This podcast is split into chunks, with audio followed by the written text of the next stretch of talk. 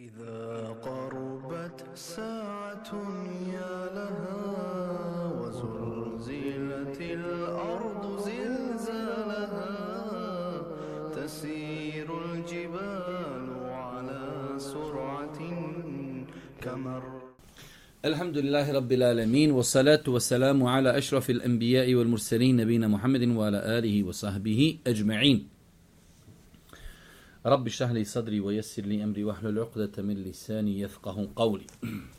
Doista svaka zahvala pripada uzvišnom Allahu te barakve ta'ala. Salavat mir i selam na Allahu poslanika, Allahu milnika Muhammeda alaihi salatu wasalam i u časnu porod suzvrte ashabi i sve ljude koji slijede put istine do sudnjega dana. Vrćima draga, kao što znate četvrtak naš ustaljeni termin u kojem se družimo u prostorijama udruženja Šeher na Bistriku, u projektu Čitaoni sa različitim knjigama i dosta smo, hvala uzvišom Allah, tevara katala, pročitali dosta korisnih knjiga.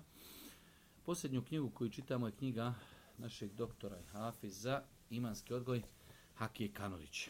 Knjiga doista fascinantna, lijepa, korisna.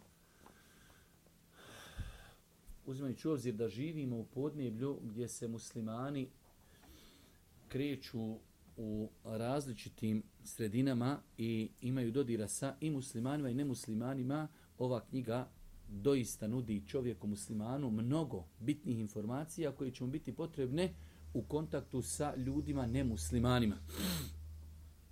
Posljednju stvar koju smo govorili, znači govorili smo ono, vjerovanju Allaha, vjerovanju Meleka, vjerovanje u poslanike, vjerovanje u knjige, Govorili smo zadnja stvar je bila nadnaravnost Kur'ana u percepciji Boga.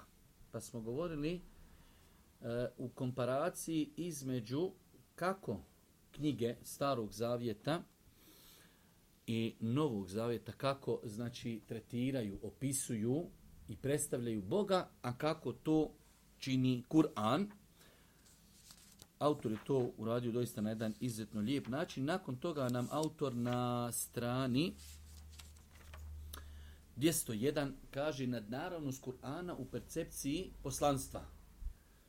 Znači, dosta je tih nekih stvari u pogledu kojih kada bi pravili komparaciju vidjeli, vidjeli bi ogromne razlike između percepcije Kur'ana i percepcije prijašnjih objava, onako kako su one dostupne sada. Jedna od tih stvari jeste i percepcija poslanstva. Mi ako uzmemo analizirati čovečanstvo i njihov uh, odnos ili njihova uvjerenja prema poslanicima, vidjet ćemo da postoji, hajde da kažemo, kao i mnogim drugim pitanjima, dvije krajnosti i sredina. Imamo krajnost kršćana koji su za Isusa, alihi salatu wasalam, Isa kazali da je Bog. Pa je to jedna krajnost. Ali imamo drugu krajnost, opet, da imamo tekstove i imamo uh, opis poslanika da su to nemorali, nemoralni ljudi, kriminalci, lažljivci, e, interesđe i tako dalje. To je jedna potpuno druga suprotnost. Imamo sad suprotnost da je Bog, imamo suprotnost da je da su poslanici bili nemoralni, da su, laž, da su lagali, da su petljali, da su mnoge stvari radili koje ne doliče jednom običnom insanu. Imamo sredinu, to je percepcija islama, to je da su poslanici najbolji ljudi, najmoralniji ljudi, Allah ih je subhanahu wa ta'ala odabrao da budu uzor ljudima. Jer pazite, kada odete u ovu jednu krajnost i kažete poslanik je mogao piti, mogao varati, mogao uh, biti zaljubljen u žene, pa njihove ljude slati na bojna polja da poginu kako bi on sebi uzeo te žene, jednostavno gubi se kod ljudi povjerenje prema Bogu, prema vjeri, prema uh, želji da budeš bolji. Jer poslanik je taj koji dolazi da ti pojasni kako ćeš biti vjernik. I onda kada ti poslanik sam, pod navnizacima, što je laž, apsolutno, uradi takve stvari i kada to imate zapisano u knjigama, jednostavno kod ljudi, znači respekt prema poslanicima opada i samim time i želja za prakticiranjem vjeri. Pa je vjera islam e, središnji put, poslanici nemaju božanskih svojstava ni jedan poslanik. Allah Žešanu u Kur'anu kada govori o Is Isau, Isusu kaže i oživljavao je mrtvi i ozdravljao bolesni bi izni la sa Allahom dozvolom. Znači nije Isa ali se letu sram ništa mogao bez Allaha. Ali isto tako s druge strane e, poslanici su bili najbolji, najodabrani, najmoralni ljudi i u pogledu toga da li su dostavljali ili ne, ono što im je Allah objavio po konsenzusu islamskih učenjaka, poslanici su ma'sumin, bezgriješni. Znači svaki poslanik je bio moralan, česti, čedan, bogobojazan, odabran, poseban i bio je na nivou zadatka koji mu je znači, dostavljen, ponuđen onim čime je bio zadužen da je ono što mu je objavljeno dostavio. To je sredina. To je sredina. Zato nam kaže e, ovdje autor nad naravnost Kur'ana u percepciji poslanstva.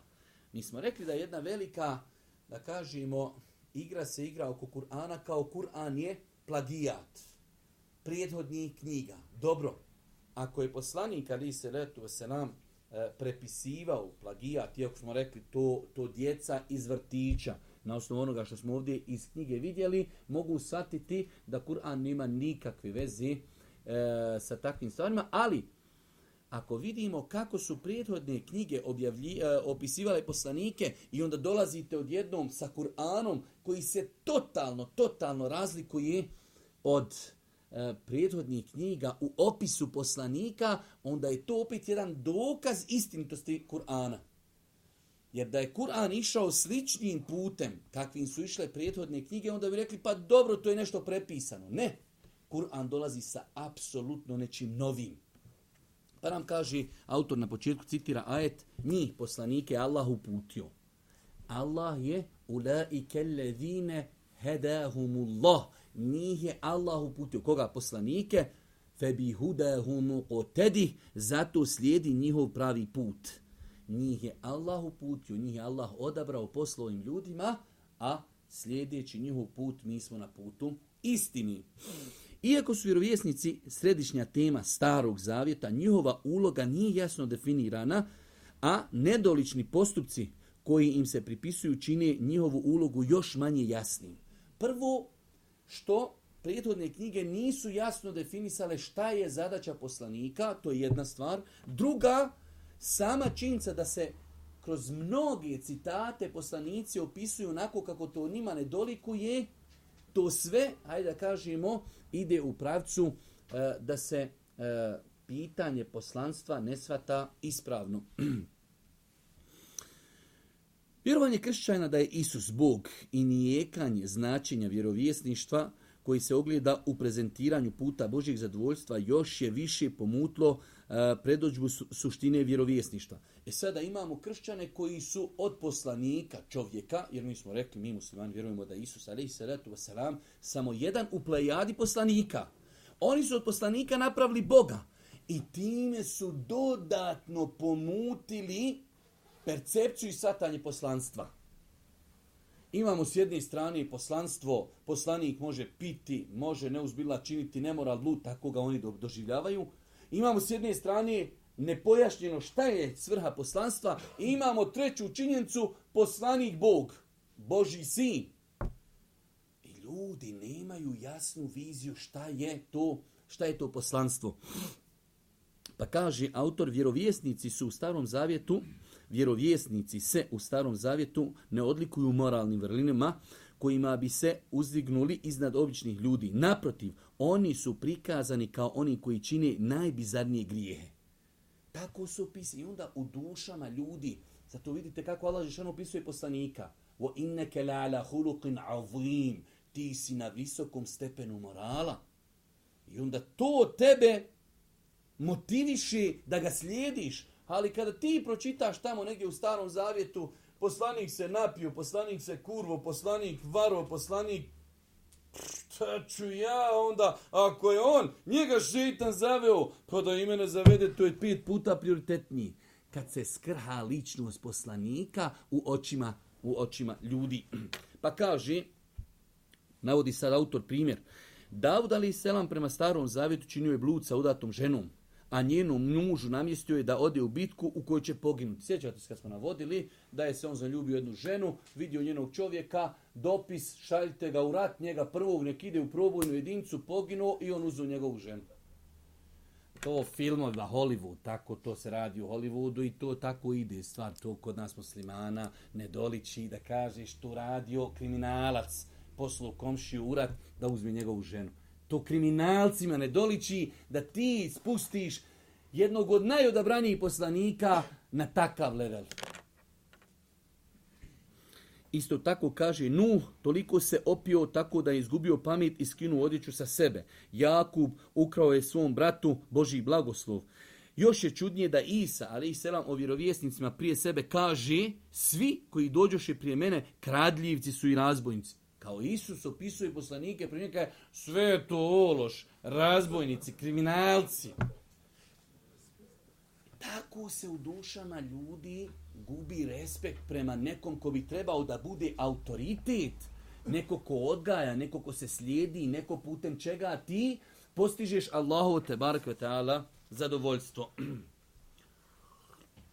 Da bi dobio poslanstvo, Šau se potpuno obnažio, dok je Izaija hodao nag pred ljudima, a otkrivene zadnjice ostaju tri godine. Tri godine čovjek hodao, otkrivena mu stražnica. Ezekiel je 120 dana ja, jeo kolač od ječmenog tijesta ispečen na, ljudskim, na ljudskom izmetu. Znači, tu su, da Allah oprosti, gadosti koje se pripisuju Allahovim poslanicima. Davud Ali Sam prikazan je kao nemilosrdni tirani ni ubica koji ubija dvije stotine ljudi kako bi njihove odreske poklonio kao vjenčani dar Šaulovoj čirki da bi s njom stupio u brak. Pavle, utemeljitelj kršćanstva, govorili smo o Pavlu, da je to utemeljitelj, utemeljitelj kršćanstva, optužio je i ranije vjerovjesnike da su ljudima dostavili nepotpunu i beskorisnu poslanicu.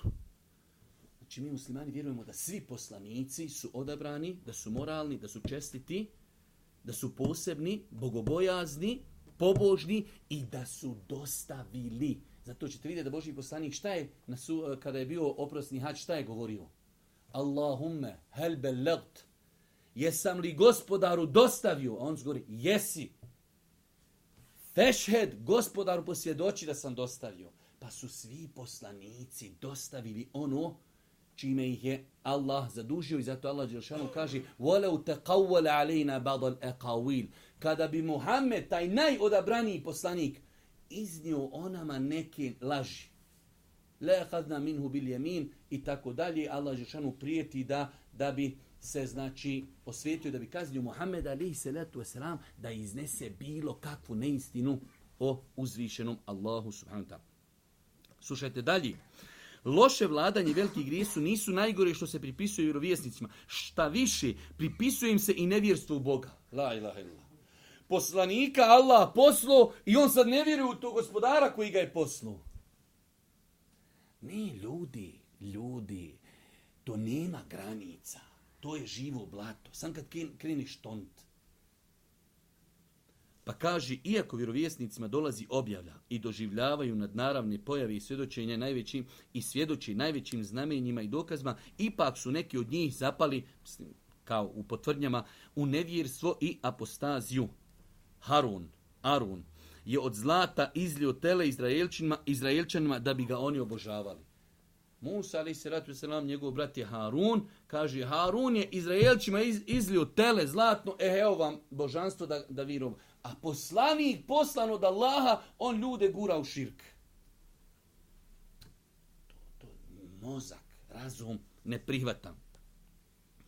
Suleiman, ali se letu selam, e, apostazirao je kada su mu njegove supruge srce okrenile ka svojim božanstvima nakon što je e, zašao u godine i ostario.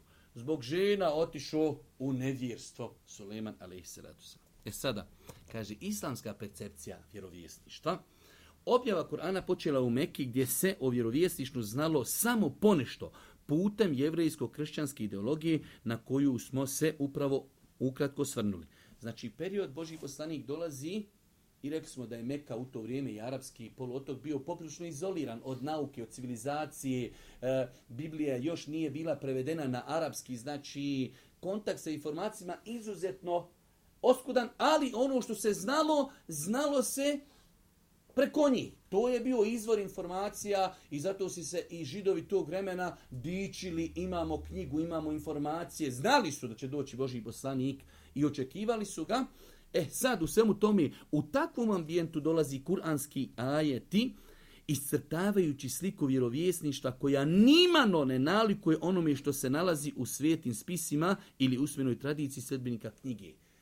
Znači, to je jedan od dokaza istinitosti Kur'ana, da Kur'an je došao, da je bio plagijat, pa i kurva nešto, kurva nešto slično, pa eto, nisu pili, ali petljali su. Ne, Kur'an dolazi, poslanike opisuje na najljepši mogući dunjalučki, e, znači, opis da su to povjerljivi, da su to čestiti, bogobojazni, iskreni, da su dostavili, da su bili povjerljivi i tako dalje. Pa znači, i, i ovo je jedan dokaz da Kur'an uopšte svojom percepcijom mnogih stvari ne nalikuje na prethodne iskrivljene knjige. Pa nam kaže autor, suština misije vjerovjesnika u kuranskoj percepciji ogleda se u dostavljanju i prezentaciji znanja kojim je Allah darovao, a koje će ljudima, a koje će ljude upoznavati sa njihovim stvoriteljem. To je znači osnova da je Allah odabirao ljude, poslanstvo se ne može postići, niti zaslužiti. I bade tom, niti bilo čime. Poslanstvo je odabir.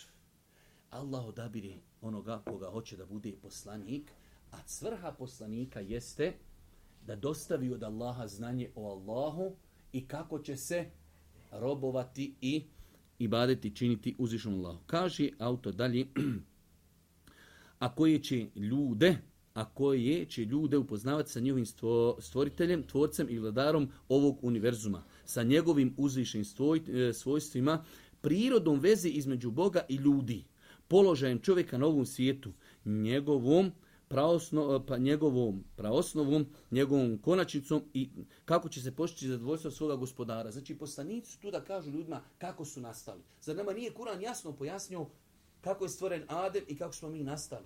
Zar nam Kur'an nejasno ne kaziva šta ćemo mi biti? Da ćemo umrijeti, zakopani, proživljeni, e, sudnji dan, polaganje računa. To je svrha objave, da te poduči kosi, šta je svrha tvog postojanja, šta si bio, šta si trenutno, gdje ćeš biti. To je znanje od uzvišnog Allaha Tebara Katala koje poslanici prenose ljudima. Kako će postići zadovoljstvo svoga gospodara? Da mi nismo čuli od Božih poslanika, ali se ratu selam da hadis ko ide u džamiju ima nagradu, ko rekne subhanallah ima nagradu, ko klanja. Bili mi to znali, već znamo kako se postiže zadovoljstvo gospodara putem poslanika. A sačuvat se njegove srđbi. Isto tako, imate mnogo stvari koje mi ne bi znali da su zabranjeni i da vodi srđbi gospodara, osim putem poslanika, alihi salatu wasalam. selam. Šta će usretiti, usrećiti čovjeka na budućem svijetu, a šta će ga unesrećiti? Poučavaju ga moralnim vrlinama i kakve će posljedice imati njegove objeđenja, riječi i djela. Znači, to je svrha poslanika i poslanstva da poduči ljudima šta je moral, šta je lijepo, šta je korisno, šta je zabranjeno, šta vodi Allahom zadovoljstvu, a šta vodi, šta vodi njegovoj srđbi. Cilj misije svih vjerovjesnika jeste da ljude upoznaju sa njihovim gospodarom. To je osnova misije. Dolazi poslanik, ljudi su se odaljili, jer tako je, znači, e, bilo i nakon Isa, ali i salatu selam, dolazi period kada se ljudi odalji od poslanici, pa im Allah žašanu šalje Muhammed, ali i salatu selam, kao posljednji poslanika, da ljude poduči ko je njihov gospodar. Vidjeli ste, stanovnici Mekke, bili su se spustili na taj level da napravi božanstvo od hrani. I izgledne, kaj, Boga, mi ogladni smo. Raskopavaj gospodara i pojedu ga za ručak. Ako šta ostane za večeru, dobro jest ne ostane, iće ulov. Koliko se ljudi odaljili od fitri, odaljili se od prirode, e u takvom halu i stanju Allah pošalje poslanika koji ljudima opet vrati na one smjernice Adem alaihi salatu wasalam, Nuh alaihi salatu wasalam i drugih poslanika. Pa kaži, cilj misije svih vjerovjesnika jeste da ljude upoznaju sa njihovim gospodarom, njegovim neprikosnovim pravom da samo on bude obožavan. To je cilj, da poslanici ljudima kažu ovo je vaš gospodar i ovo je njegovo pravo da mu robujete. To vam je stroga obaveza. Da je on jedini kome se ibadet čine i jedini kome, pripada, e, kome pripadaju sva imena i svojstva savršenstva. Uloga vjerovjesnika je da ljude obradu i da ih upozori. E, vidite ovo. Zato ćete naći u Kur'anu i to je taj metod beširan u aneziran.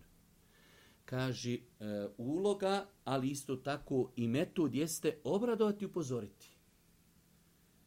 To su ta dva krila. Imate ljudi koji ne razumio sam, kažeš, gorćeš u vatri. Dok ga ne pripadneš vatrom, on se ne popravlja. Ti on kaže, vidi, sevap je, lipo je, fino je, sve to njemu ne. Al kažeš, djehennem, 70 puta, e, uzu bilo mi šetan rađim, kako se abdesti, daj da idem klanjet. A imaš ljudi opet kod kojih pali ova druga metoda, da ga upozoriš, da ga postakniš, pa su poslanici, i zato ćete vidjeti na koliko mjesta u Kur'anu beširan. Donosi radnosti, ko bude pokuran, džennet, ko bude ovo, tako. Uaneziran, ali imaju upozorjenje. I zato, To je na kraj krajeva i svojstvo pravog daji, misionara. Treba ljude zastrašiti. Ali treba ih isto i obradovati. Kaj vidite, vremena su teška. Onaj ko sad bude klanju, ona sestra koja sad nosi hijab, ona insan koji sad ostavi nemoral, ona insan sad koji ostavi kamatu. Sad, sad. Znači, treba ljude obradovati nagradama, ali treba i zastrašiti. To je bila metoda poslanika, pa kaže ovdje autor, uloga vjerovjesnika jeste da ljude obraduju i da ih upozori. Da ih obraduju Allahovim zadovoljstvom, nagradom i džennetom, uliko, ukoliko budu ispravno vjerovali i njemu i badete činili, i da ih upozori na Allahovu srđbu, ukoliko izaberu put nevjerstva. Zato ćete vidjeti da, da nama nekada prigovore ljudi, nemuslimani, kao mi smo pregrubi mi ćemo po vama biti u vatri. To je emanet, to je odgovornost, to je obaveza da ljudima kažem, da ljudi ne mogu doći na sudnji kaj, pa znaš šta je, mi smo misli, sve je to kod Boga prihvatljivo. Nije prihvatljivo. Allah vas nagradio, ali nije prihvatljivo. To je naša obaveza da vam kažemo nije. Inne dine inda Allahi el Islam. Kod Allaha jedina prihvatljiva vjera Islam.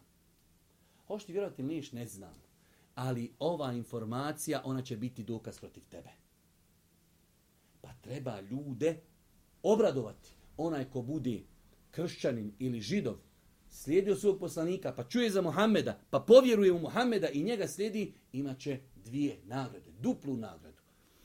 Tako da, to je bio cilj poslanika da obraduju one koji su pokorni i da upozori oni Nećeš vjerovat. E, znaj, Allah ti je dao slobodnu volju i dao ti razum kojim možeš shvatiti dokaze. To su dva veoma bitna faktora. Dao ti je slobodnu volju. Ko sad nekoga tamo u Americi, u Australiju, u Japanu, u Kini sprečava da bude musliman? Niko. Imaš slobodnu volju. I Allah ti dao razum putem kojeg možeš dokučiti njegove dokaze. Pa vidje, vidjeli ste kad smo govorili ovdje o rububijetu, o uluhijetu, nastanak svijeta, pa kosmos, pa zvijezde, pa mjesec, pa ovo, pa čovjek, pa insan, sve su to dokazi. E, hoćeš li ti uključiti razum ili ćeš reći, ma znaš šta je nemoguća misija, su moji svi didovi bili u dalaletu, idem i ja za njima i to je to. Znači ne koristiš razum, ne želiš istinu. Pa je Allah ljudima dao razum, na osnovu kojeg mogu shvatiti gdje je istina, a gdje je neistina.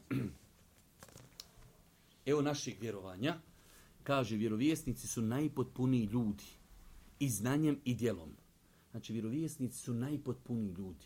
Kada vidite Božeg poslanika, ali sam njegov ibadet, njegov moral, njegove postupke, obhođenje prema suprugama, prema komšijama, prema jetimima, prema onima koji su prema njemu bili loši, najpotpuniji ljudi postupcima i znanjem.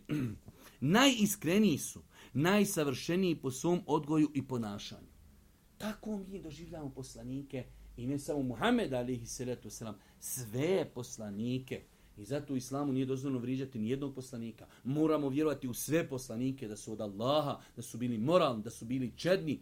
Kada se iznese na njih laž da reaguju, kajemo, nije, to ne doliči da to uradi poslanik. To ne doliči da uradi kriminalac a kamoli odabrani Allahovi robovi.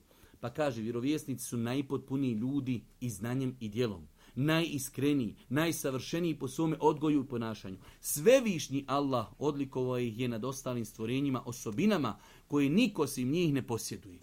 Allah je odabru i ti sad odeš u jednu drugu krajnost, praviš od njih kriminalce i praviš od njih nemoralne ljude. Daleko su od laži, prevari, tajenja i bilo kakve manjkavosti po pitanju dostavljanja obe. E, ovo je ključ. Vidite, vi kad čitate, kad islamski učenjaci govori o istinutosti Muhammeda, ali se rad sam kažu, jedan od dokaza jeste i da je dostavio ono u čemu ga Allah kori. Da je Kur'an, kako oni kažu, kojim slučajem Muhammed pisao, gdje bi to neko sad o sebi napisao, evo ja sam sebe kritikujem. Pa svak sebe predstavlja u nekom superiornom znači ruhu. Ne, Allah Žešanu u više ajeta kori Muhammed alaihi salatu wasalam i on to dostavlja. Pa kaže ovdje autor, daleko su od laži, daleko su od prevari, tajenja i bilo kakve manjkavosti po pitanju dostavljanja objavi. Nema manjkavosti. Dostavili od Allaha ono čime ih je uzvišeni Allah tebarek ve ta'ala zadužio. E sada kaži, ovo je sad jedno eh, vjerovanje ehli sunneta. Sobno, brate, haj prođa košu ovdje, nemoj tu kod vrata, možete jehla. Evo ovdje, sobno sjedi. Sačuvani su od grijeha, ali moguće da je ponekada napravi poniki propust ili grešku. Znači, vidite, zapamte večeras sljedeće stvari. Po konsenzusu učenjaka, poslanici su sačuvani od kufra. Sačuvani su od velikih grijeha, po konsenzusu učenjaka, od malih grijeha nisu sačuvani može se desiti da poslanik pogriješi. Ali, ne ustrajava u tome i pokaje se. Znači, velike grijehe nisu nikada činili, kufor svakako da nisu nikada činili, mali grijehe ili greške mogli su. Ja sam jedne prilike tako rekao, napun, imate hadis da iša kaže Božijem poslaniku, Allah će ti oprostiti ono što si pogrešio prije i poslije. Čak, halo, za poslanik može pogrešiti? Može!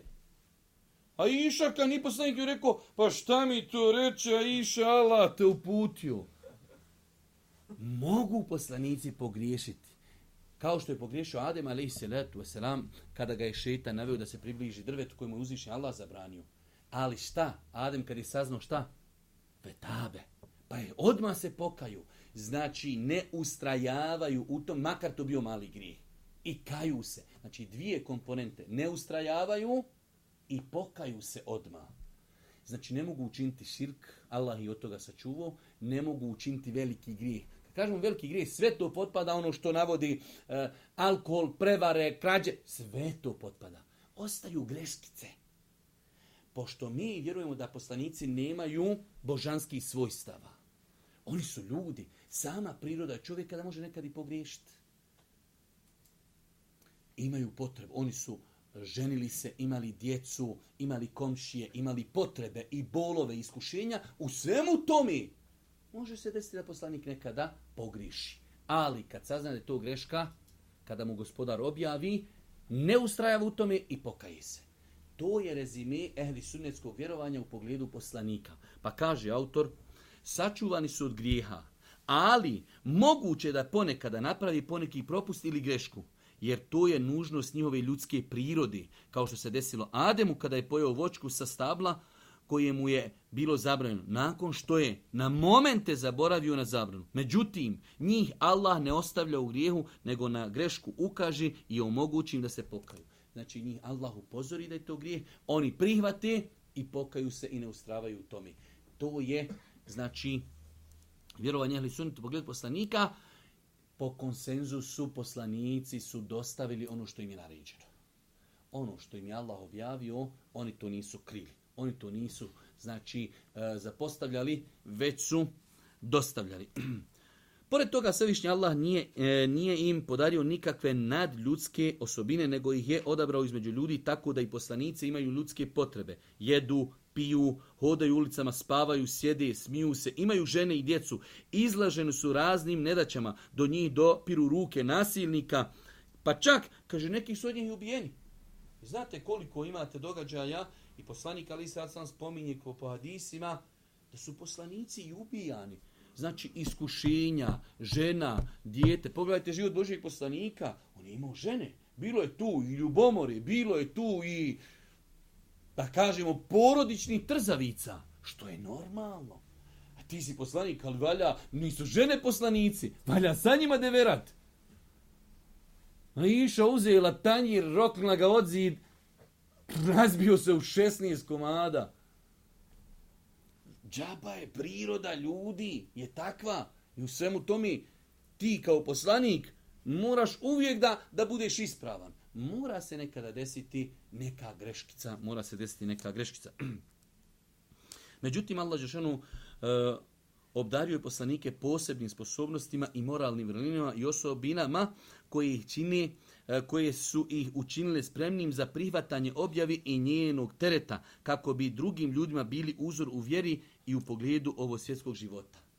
Allah ih odabrao zbog čega? Da bi mogli, dosta, da bi mogli biti uzor. Uzor. Jer danas sada, mi danas i onako imamo mi, kad, a, posla, lako je njemu. Šta mislite još da je poslanik radio velike igre? Pa mi, pa vrate, ko radio, moramo i mi.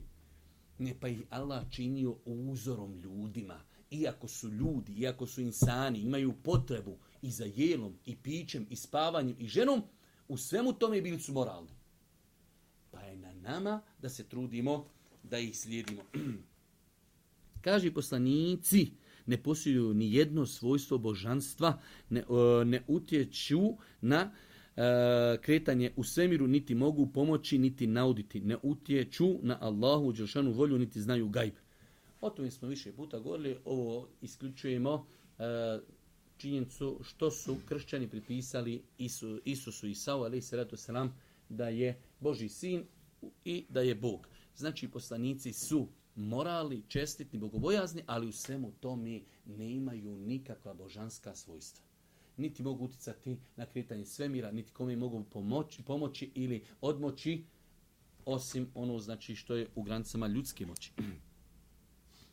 Međutim, Svevišnji Allah pomogao je svoje vjerovjesnike raznim muđizama, kojima upućuju e, izazov ljudima da e, naći nešto slično ako ne vjeruju u njih. Znači, Allah Jošanu, znajući da će biti ljudi koji neće povjerovati, dao je tim poslanicima određene stvari, ali opet se te određene stvari, muadžize, nadnaradne stvari, dešavaju Allahovom voljom. Ali to je bio dokaz samo njihovog poslanstva. Nakon toga, znači, e, ovdje nam je autor doista na jedan izuzetno lijep način govorio o nadnaravnost Kur'ana u percepciji poslanstva. Pa smo rekli, kakva je percepcija poslanstva u prijašnjim objavama? Takve su sad, sigurno kad su bile prijašnje objave e, originalne, da nije bilo toga. A vidjeli smo kakva je percepcija poslanstva u Kur'anu. E sada nam dolazi e, autor s jednim novim poglavljem, kaže zakonodavna nadnaravnost Kur'ana. Kao što Kur'an u mnogim drugim sferama ukazuje nadnaravnost da je od Allaha, da je nadnaravan, isto tako kroz zakonodavstvo Kur'an ukazuje da je uzvišenog Allaha tebarek ve ta'ala. Pa kaže autor, vidite jedno veliko pravilo, odnosno dva velika pravila. Prvo pravilo, Allah tebarek ve ta'ala je savršen. I mi smo o tome kad smo govorili o tevhidu, esmaju, sifat, rekli smo da je Allah savršen njegova imena i njegova svojstva. Samim tim, njegovi postupci, njegov govor, njegova objava, sve je savršeno i njegovi zakoni koji objavljuju ljudima su savršeni. To je jedna stvar. Može se desiti da čovjek odraste u određenom podneblju, vremenu i prostoru, pa da ne može shvatiti pravednost i univerzalnost i Allahovih propisa. Ali to je manjkavost u meni. Nije manjkavost u Allahovim zakonima. Druga stvar, Imate učenjaka, velike učenjaka, koji su pisali knjige u kojima su pravili komparaciju između ovo svjetskih zakona i Allahovih zakona, vjerujte, samo što neće da priznaju. Najveći zakoni koji su izmislili ljudi u mnogo čega su uzeti iz Kur'ana i Sunneta Božih poslanika. Vjerujte. Već samo ondje gdje njihovi razumi savršeni i potpuni nešto im ne, ne uklapa, onda on to malo zaokrenu i nastavi dalje. Ali mnogo, ali baš mnogo, procentualno, neću da sad reknim, ali možda i 60 i 70% stvari u jednom francuskom zakonu ili ne znam nija engleskom, da imate da je to prepisano iz Kur'ana i Sunneta. Znači, ja imam knjigu dva toma, jedan veliki autoritet savremenog doba, pisao samo na tu temu komparacija, dva toma komparacija islamskog prava i svjetovnog prava, gdje vidite gdje čovjek naučno donosi evo šta su knjige Fika rekle prije 1600 godina, evo šta ste vi prije 200 godina rekli. Ma čisto prepisano, malo samo izmijenjeno, evo ga tri izmisli. Ljudi, znači, i tamo kad izmišljaju, opet uzimaju od gospodara. Ali su se uzdigli na level da kažu e, mi imamo mogućnost da kajemo ovo je zastarjelo, ovo nije, ovo odgovara, ovo ne odgovara. E, tu je greška. Pa smo rekli da je gospodar savršen, potpun, i njegov govor, i njegovi postupci, i njegovi zakoni su savršeni. Čovjek manjkav, bez obzira što se neko puši i napuhiva, mi smo manjkavi, ograničeni. Vidiš li kroz Ne vidiš. Čuješ li dalje od 20 metara? Ne čuješ. Znaš šta će se desiti sutra? Ne znaš. Znaš li šta ti je u stomaku? Ne znaš. Kakav ti je bubreg? Ne znaš. Manjkav si. I samim time, kad budeš pravio zakone, bit će manjkav. I uvijek će biti amandmana, i uvijek će biti dodataka, i uvijek će biti izglasa jedan, drugi porišti, u jednoj državi smrtna kazna ima, u jednoj nema, i tako dalje. Dok je Allahov zakon za cijelu zemlju. Kaži, autor, Kur'an je unikatan u svom zakonodanom modelu reformatorske prirode, svejedno u kojem mjestu i vremenu se primijenio. Znači, Kur'an odgovara. Pustite tu priču, Kur'an je za Arape, Kur'an je... Ne, ne, ne, ne, to je, ne smijemo ni pomisliti. Kur'an je objavljen cijelom čovječanstvu. Njegove smjernice odgovaraju za svako vrijeme i za svako podneblje. Njegovi zakoni su univerzalni i odgovaraju za svako vrijeme i za svako podneblje. Ovako mora vjerovati musliman zakoni Kur'ana odgovaraju za svako vrijeme i za svako podneblje. Znači svako vrijeme od prije 1600 godina do danas i za svako podneblje, za Australiju, i za Ameriku, i za Kinu, i za Bosnu, i za Evropu. Odgovaraju i univerzalni su. A Islam ima velika pravila koja mogu riješiti probleme različitosti vremena i prostora u kojem ljudi žive. Islam je toliko univerzalan da se može desiti da dođu vremena podneblja gdje se određene stvari moraju korigovati, ali islam ima odrednice kako se to koriguje. Pa kaži, njegovi propisi kompatibilni su ljudskoj prirodi kako onoj vidljivoj, tako i onoj skrivenoj. E sada ovdje mi kažemo, vidite ljudi kada odrastaju vremenom, vremenom, vremenom, odraste generacija, odraste druga generacija, dođu ljudi, a šta mislite ako odraste deset generacija, gdje se ljudi odaljavaju od Boga. I onda im ti kažeš, e ovo je Boži zakon. Normalno, šta će biti? E, ako je to Boži zakon, mi to nećemo. Zašto? Zato što su ljudi odla, odrasli, zato je rekao Boži poslanik, svako dijete se rađa u fitri, pa ga njegovi roditelji učinu kršćanom, židovom ili budistom i tako dalje. Pa odgoj ili mjesto u kojem čovjek o, o, odrasta, ostavlja traga na Pogledajte kad čovjek, evo, u nas u islamu, unutar islamu, kad čovjek odrasta u pojem gdje imaju neke novotarije. Ne mreš mu, brate, izbit novotariju iz glave, evo, lejla to regaib noćes. Haj ti to dokaži da to nema u islamu. Zašto? Čovjek odrastu, dedo vas da slavio, ja vas da slavim, mama, nene, svi planeta slavi i čuj, sad to nema. E tako isto, kada se dvije, tri, četiri, pet generacija odrastu daleko od Allaha, daleko od njegovih zakona. Normalno da ljudi neće prihvatati. I kad mu ti sutra kažeš, ovo je Boži zakon, on odrastu u nečemu drugom, totalno. Svakom pojedincu da, e sad govori on o tom kuranskom zakonu. Svakom pojedincu daje njegova prava. Ovo je najveća odlika Kur'ana i zakona u Kur'anu. Svakom pojedincu daje pravo. Vi dosta puta imate zakon izglasan štiti jedne, ali druge uništava. Uništava ove ili oni. Ne, Kur'an je svakom dao njegovo pravo. I pogledajte samo taj zulum i nepravdu, evo kad uzmijete suđenje ovim ratnim zločincima. Dokaže se čovjek bio razlogom, naredio se pobije 100, 150, 200 ljudi. To ono što se moglo dokazat. Ono što je nedokazano. Pa 13 puta je veći. 12 godina zatvora. I to je kao, kao lafo neka pravda. Aj pitaj tu ženu čiji muž je ubijen i čiji djete je ubijeno. Je li to pravda? Pa islam znači svojim zakonima čuva prava, štiti prava svakog. Pa kaže autor, svakom pojedincu daje njegova prava, bez uskraćivanja ili pretjerivanja. Uređuje odnose unutar zajednice nižući bisere u jednu ogrlicu skladnu i, univer i univerzalnu. Zakoni islama se jedni druge podržavaju. Tek od nas, donesu jedni na jednom levelu, ne znam, nije na kantonu zakonka, ali oni u suprotnosti su i gore što su na državnom donijeli. Pa šta ćemo, ćemo sa ovom dole raditi s ovim gore? Ma ne zna, kaže, ovom gore, ovdje ga idi dole, ovaj dole ga idi gore. Polupal se lončići. Dok u islamu nije tako. U islamu, pogledajte šta kaže, uređuje odnose unutar zajednici, nižući bisere u jednu ogrlicu skladnu i uvezanu. Znači, sklad, data su svakom njegova prava. Potlačenima daje njihova prava, a moćnima ne dozvoljava da budu nepravedni.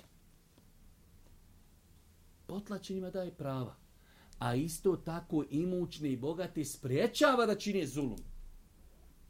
To danas na planeti. Zašto danas većina ljudi ne sviđa im se islam? Zato što je danas planeta puna zulma. Znaju oni, ako dođe islam, valja, Boga mi, valja odgovarati. U islamu tuđa olovka, vrate, tuđa ne smiješ. A kamo li resursi država, duše, krediti i tako dalje. Valja za to odgovarati. Zato nemoj islam alat. Ako, ako nas se ori dočepaju, jadan ti kolač, kućemo. Pa islam daje bijedi, sirotinji njihova prava, isprečava zalima bogatog čovjeka da nanese zulum ne onome koje je ispod njega. Kaže, sve to i mnogo drugog ukazuje na to da čovjek koji živio u nomadskom, pustinskom, izolovanom prijedilu nije mogao crpiti, nije mogao Kur'an crpiti iz, svo, iz svoje mašti, niti je postojalo nešto slično da bi ga mogao plagirati, radi se samo o Božjoj objavi.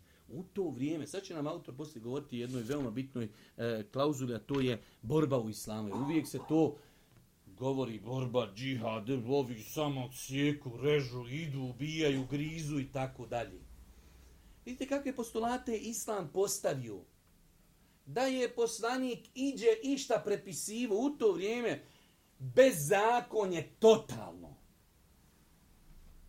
Vidjeli smo kakve su percepcije drugih, vidjet ćemo sad će nam autor o tome i govoriti, prema ratu, prema borbi, prema ubijanju, pa da je Islam imalo išta prepisivo, ne bi postavio ovako jasne postulate pravdi, koji važi ne samo za Meku i Arape, važi za cijeli svijet.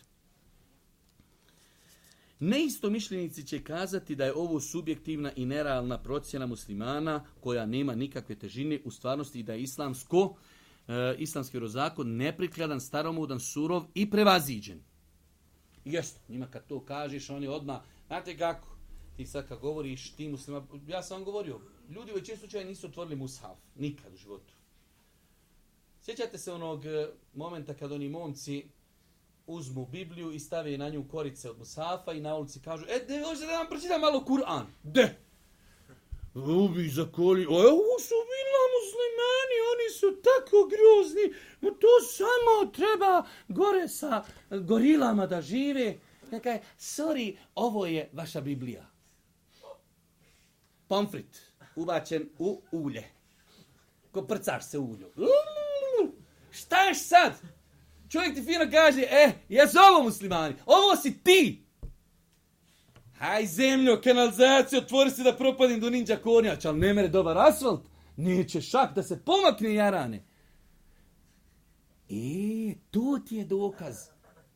Kad te pismeni školovan čovjek izbi iz cipila, pa te nabije nogom do Marsa.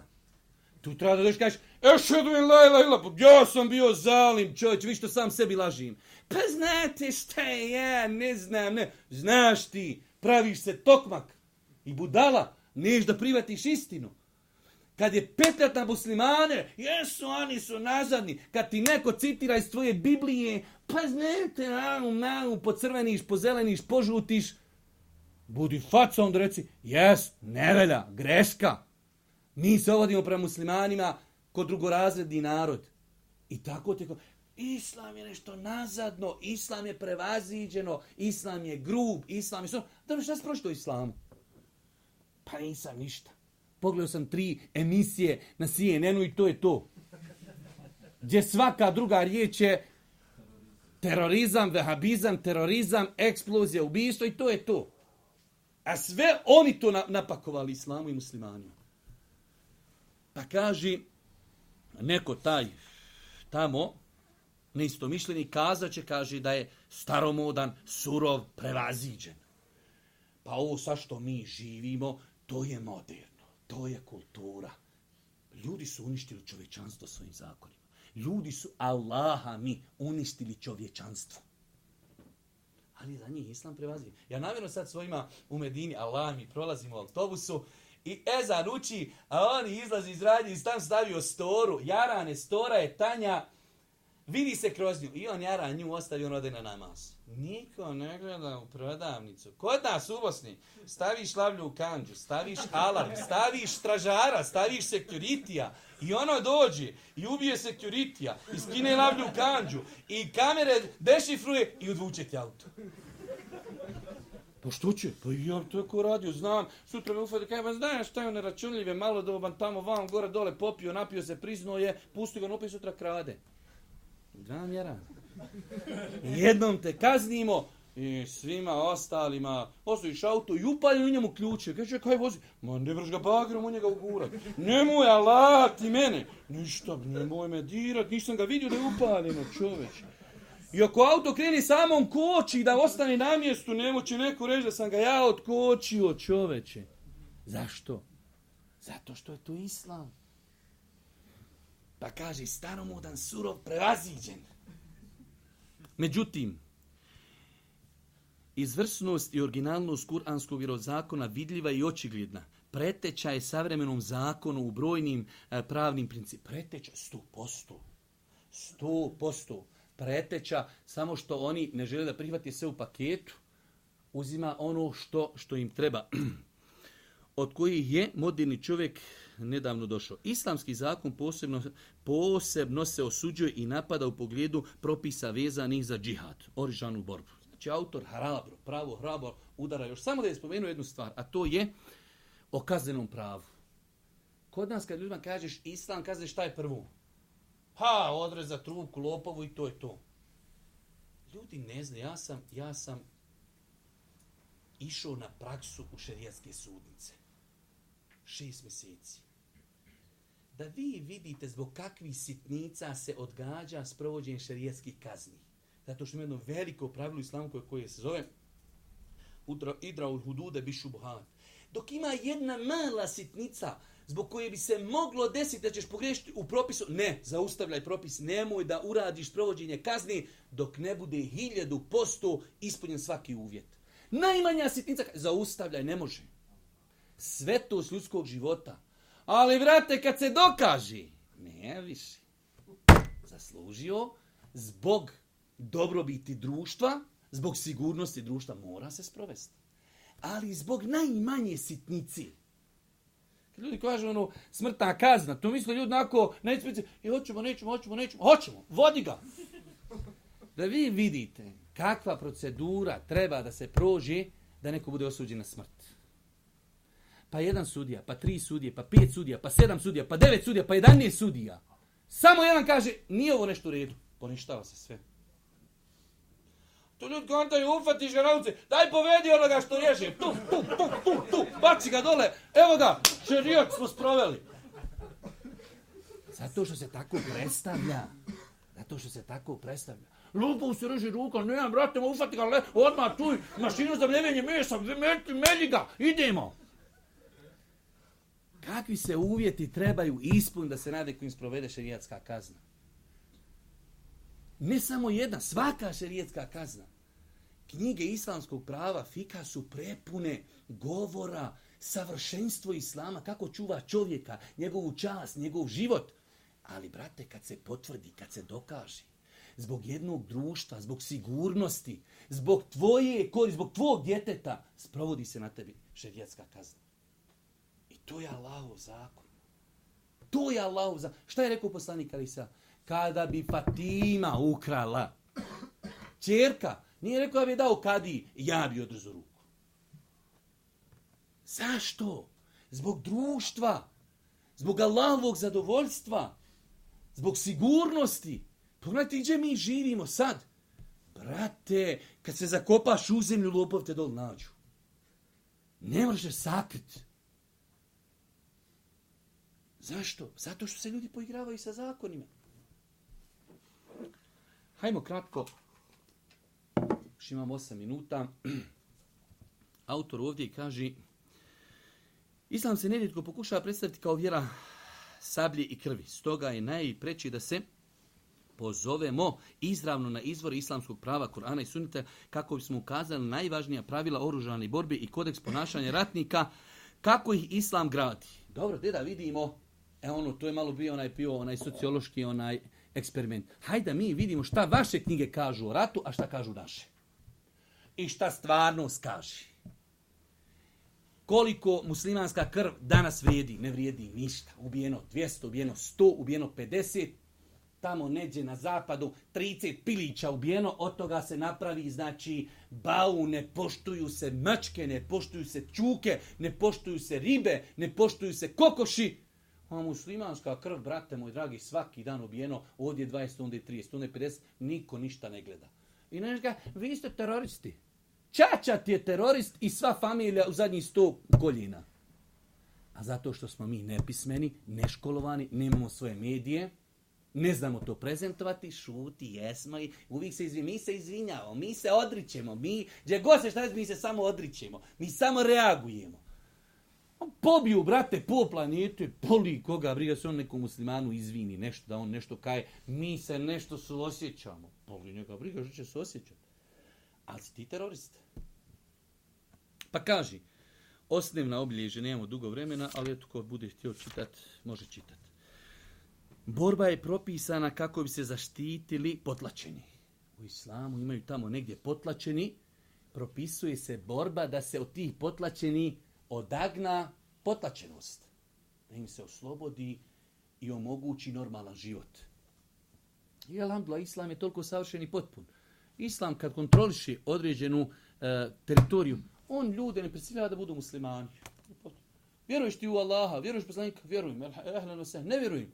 Budu ti na svojoj vjeri. Islam, islam nije takav nikakav problem.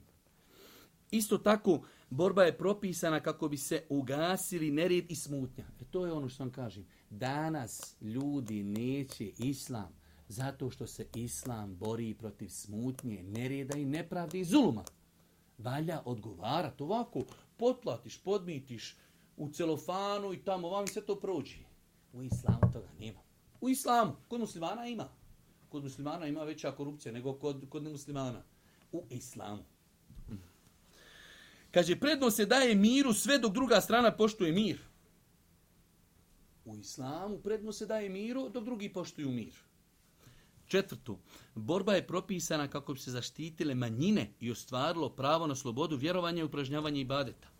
Znači, borba je propisana da tamo neka manjina koja, koju je spriječeno da se e, deklariše kao musliman i da ispoljava svoju, propisana borba zbog toga, da se to njemu osigurano borba je propisana da bi se osujetili neprijateljski napadi. Aha, nisu muslimani glupi, nisu budale.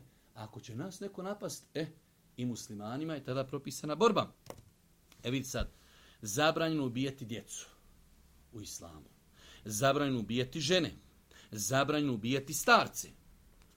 Vidjet ćemo tamo u drugim religijama kako je. Zabranjeno ubijanje svećenika i isposnika ko je najviše u Bosni stradao kad je bio rat? Prvo koga ubiju, koga?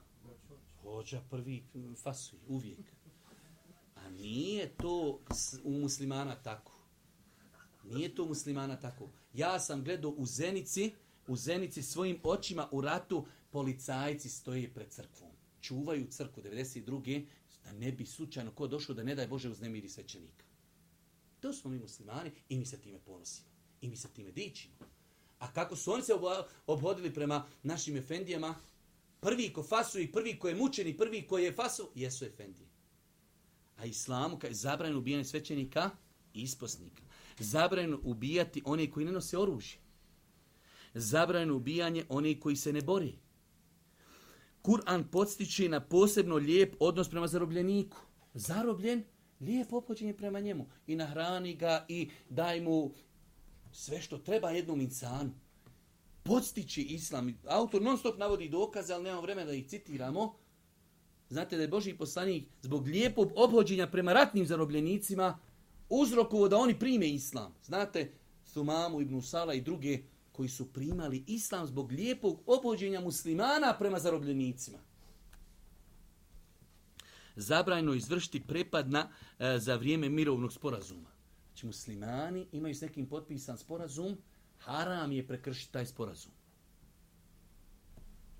Zabranjeno masakriranje, ubijanje neprijatelja. Ako već ratuješ i ubio si vojnika, ubijen, nema više masakriranja i nema nema a, sličnih stvari. Zabranjeno spaljivanje vatrom neprijatelja. Zabranjeno, e, zabranjeno je ne, nepotrebno uništavanje prirode.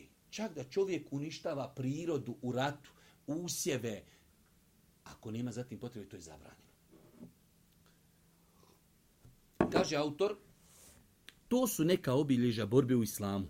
Iako ne tvrdimo da je historija islamskih osvanja potpuno čista, jer to je ljudska historija sa svim onim što ljudi čini. Propisi islamskog vjerozakonja ostavili su i tekako prepoznatljiv trag i u tome i, i to u vremenu kada nisu postale konvencije i propisi ratovanja. Vidite kako smo mi muslimani predobri autor kaže ovo su postulati islama, a ne mora znaš da se muslimani uvijek pridržavali toga. Znači ovo je islam i mi se time dićimo. Može se desiti da muslimani u datom momentu naprave grešku, ali to nije islam. To su muslimani, to je greška. Pogledajte kako smo mi, hvala uzvišom Allah, zato smo ovakvi milostivi, dobri, da znači smo spremni reći ne, to je greška. To nije odvjeri. To su ljudi uradili pogriješili su islam je nešto drugo. Nakon toga kaže koliki je iskorak kuranski vjerozakon predstavljao za vrijeme u kojem je došao najbolje ćemo uočiti osvrtom na biblijsku viziju ratovanja. Izdvojit ćemo samo nekoliko biblijskih citata koji ukazuju na ogromnu razliku u standardima ratovanja navedenim u Kur'anu i Bibliji. Dobro, aj sad da vidimo standarde ratovanja u Bibliji i u Kur'anu. Vidjeli smo šta je Kur'an. Kaže, naredba da se ubijaju muška djeca i udane žene. Autor donosi dokaz iz njihovih knjiga. Postica je da se djeca ubijaju i masakriraju. Djeca, nerad, jeste vidjeli, ne nosi pušku u islamu, ne ubijaj. Starac, ne ubijaj. E, svećanik, ne ubijaj. Ubijaj djecu, ubijaj žene, ubijaj. Sad ćeš vidjeti, trudnice ubijaj. I onda dođe neko i kaže, vi grubi, vi surovi, vi teroristi. Mi smo teroristi, to ne znamo svoju vjeru. To je naša najveća mahana.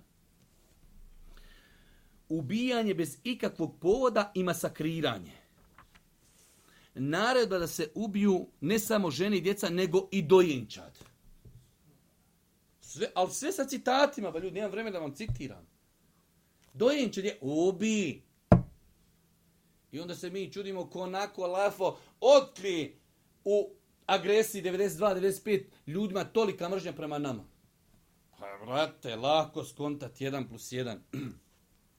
Ubijanje nerođene djece. Ha, dojenče. I ne, ne, imamo još verziju. U stomaku. Ubij u stomaku. Naredba da se neprijatelji u potpunosti uništi. I kaže autor, to je biblijski vjerozakon koji je crkva e, koji je crkvi predstavljao svijetu uporište za masakre i genocida nad muslimanima, jevrijima, domicilnim idolo poplomnonicima Sjevina Amerike. Šta više, to je isprika za masakre neslučenih razmjene koji se činili katolici nad pravoslavcima i obrnuti. I međusobno rokaj samo po tim takvim pravilima. I zato kaže autor na, na kraju. Zbog čega je Kur'an promijenio pravila ratovanja i, e, i moralnoj normi, dao moć nad isukanim sabljama? Pita. To je ono što je tada bilo aktuelno. Vi tada su bili na zemlji, na planeti pravila ubi ženu, dijete, starca, dojenče, sve živo. I onda dolazi islam koji je postavio parametre koji su univerzalni.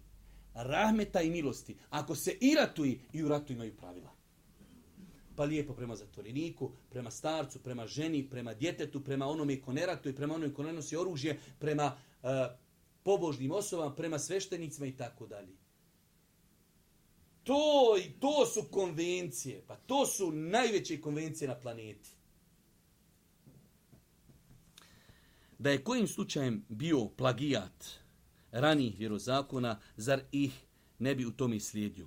Zbog čega Kur'an predstavlja granicu krvoprolića i sprečava nepotrebno proljevanje krvi, nepravdu i, i zvijestvo, iako su Arapi u vremenu objave bili narod ogrizao u ratovima koje su se često vodili zbog najmizernijih povoda. Znači, Arapi u to vrijeme, tako je to jednostavno bilo e, period, oni su ratovali zbog kokoši. Znači, kokoš odi u tuđe pleme, ovi je natiraju, gruhnu je kamenom, slomi je nogu. Ovi kažu, slomili su našoj kokoši nogu, to je udar na našu čast, 500 ljudi, idemo tamo i zajutra ovi spavaju, dođu, sve pobiju zbog skokoš jedne noge što je slonjena koliko. Ovi drugi imali tamo neke svoje ahbabe, jer to su bili paktovi. Ovi s njima, pa kaj, ovi pobili naše zbog koke, sutra mi idemo na njih, jarane. Ovi njima ubiju 500 zbog koke. I tako, znači, tako su oni ratovali. I dolazi poslanik Ali Selam i postavlja norme to bio plagijat, pa makro, pa doj, možete malo, ne može, nimalo, nema nepravdi. I u ratu imaju pravila. Ovo je rat bez pravila bio. Radio ko šta je tio i kako je tio. Ne snosi nikakvu odgovornost. Boži poslanik Ali Sirat Sam, kada je Usame ubio onog čovjeka, kaže, toliko me ukorio da sam volio da do tog dana nisam primio islam. Ima snošenje odgovornosti kaže radi se o objavi koja je iznad potreba jednog podljemlja u jednom vremenu. Ta objava odgojila je generacije koje su ispisale historiju neobičajnim događajima. Francuski orientalista Emile e, zapaža koliko su samo česte narede u Kur'anu i sunnetu kojima se poziva na toleranciju i oprost i koliko samo islamski i koliko su samo islamski osvajači često to primjenjivali. E slušaj ovo. Historija nije zabilježila da su muslimani pobili jedan narod. Ljudi su u skupinama prihvatili islam samo zbog vlastite želje za tim.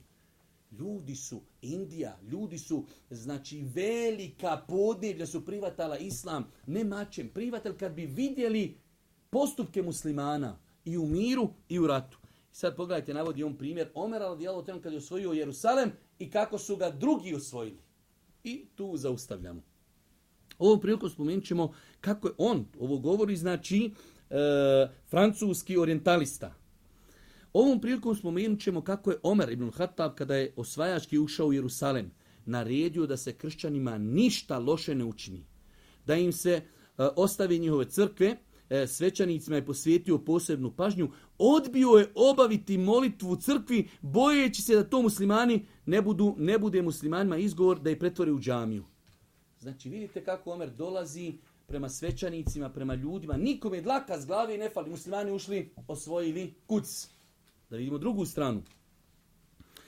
Ovdje ćemo još kazati koliko je samo ogromna razlika između muslimanskog osvajanja Jerusalema i križarskog osvajanja Jerusalema kada su muslimanima odrubljivali glave tako da su njihovi konjanici bili u rijeci krvi koja je dosezala do koljena. Ovi kad su ušli, odsjecali glave da je krvi bilo do koljena. A muslimani kad su osvojili ta isti kuc, ista, ista regija, isto sve, nikom je laka z glave nije pala. Zbog čega? Zato što su muslimani svoj kodeks ratovanja crpili iz Korana. Za razliku od drugih. Allah subhanahu ta'ala molimo da nas podući propisima vjere i molimo subhanahu ta'ala da nas učite na putu istine subhanahu ta'ala wa bihamdike šedan ilaj lansnakfiruke voje tubu ilajku.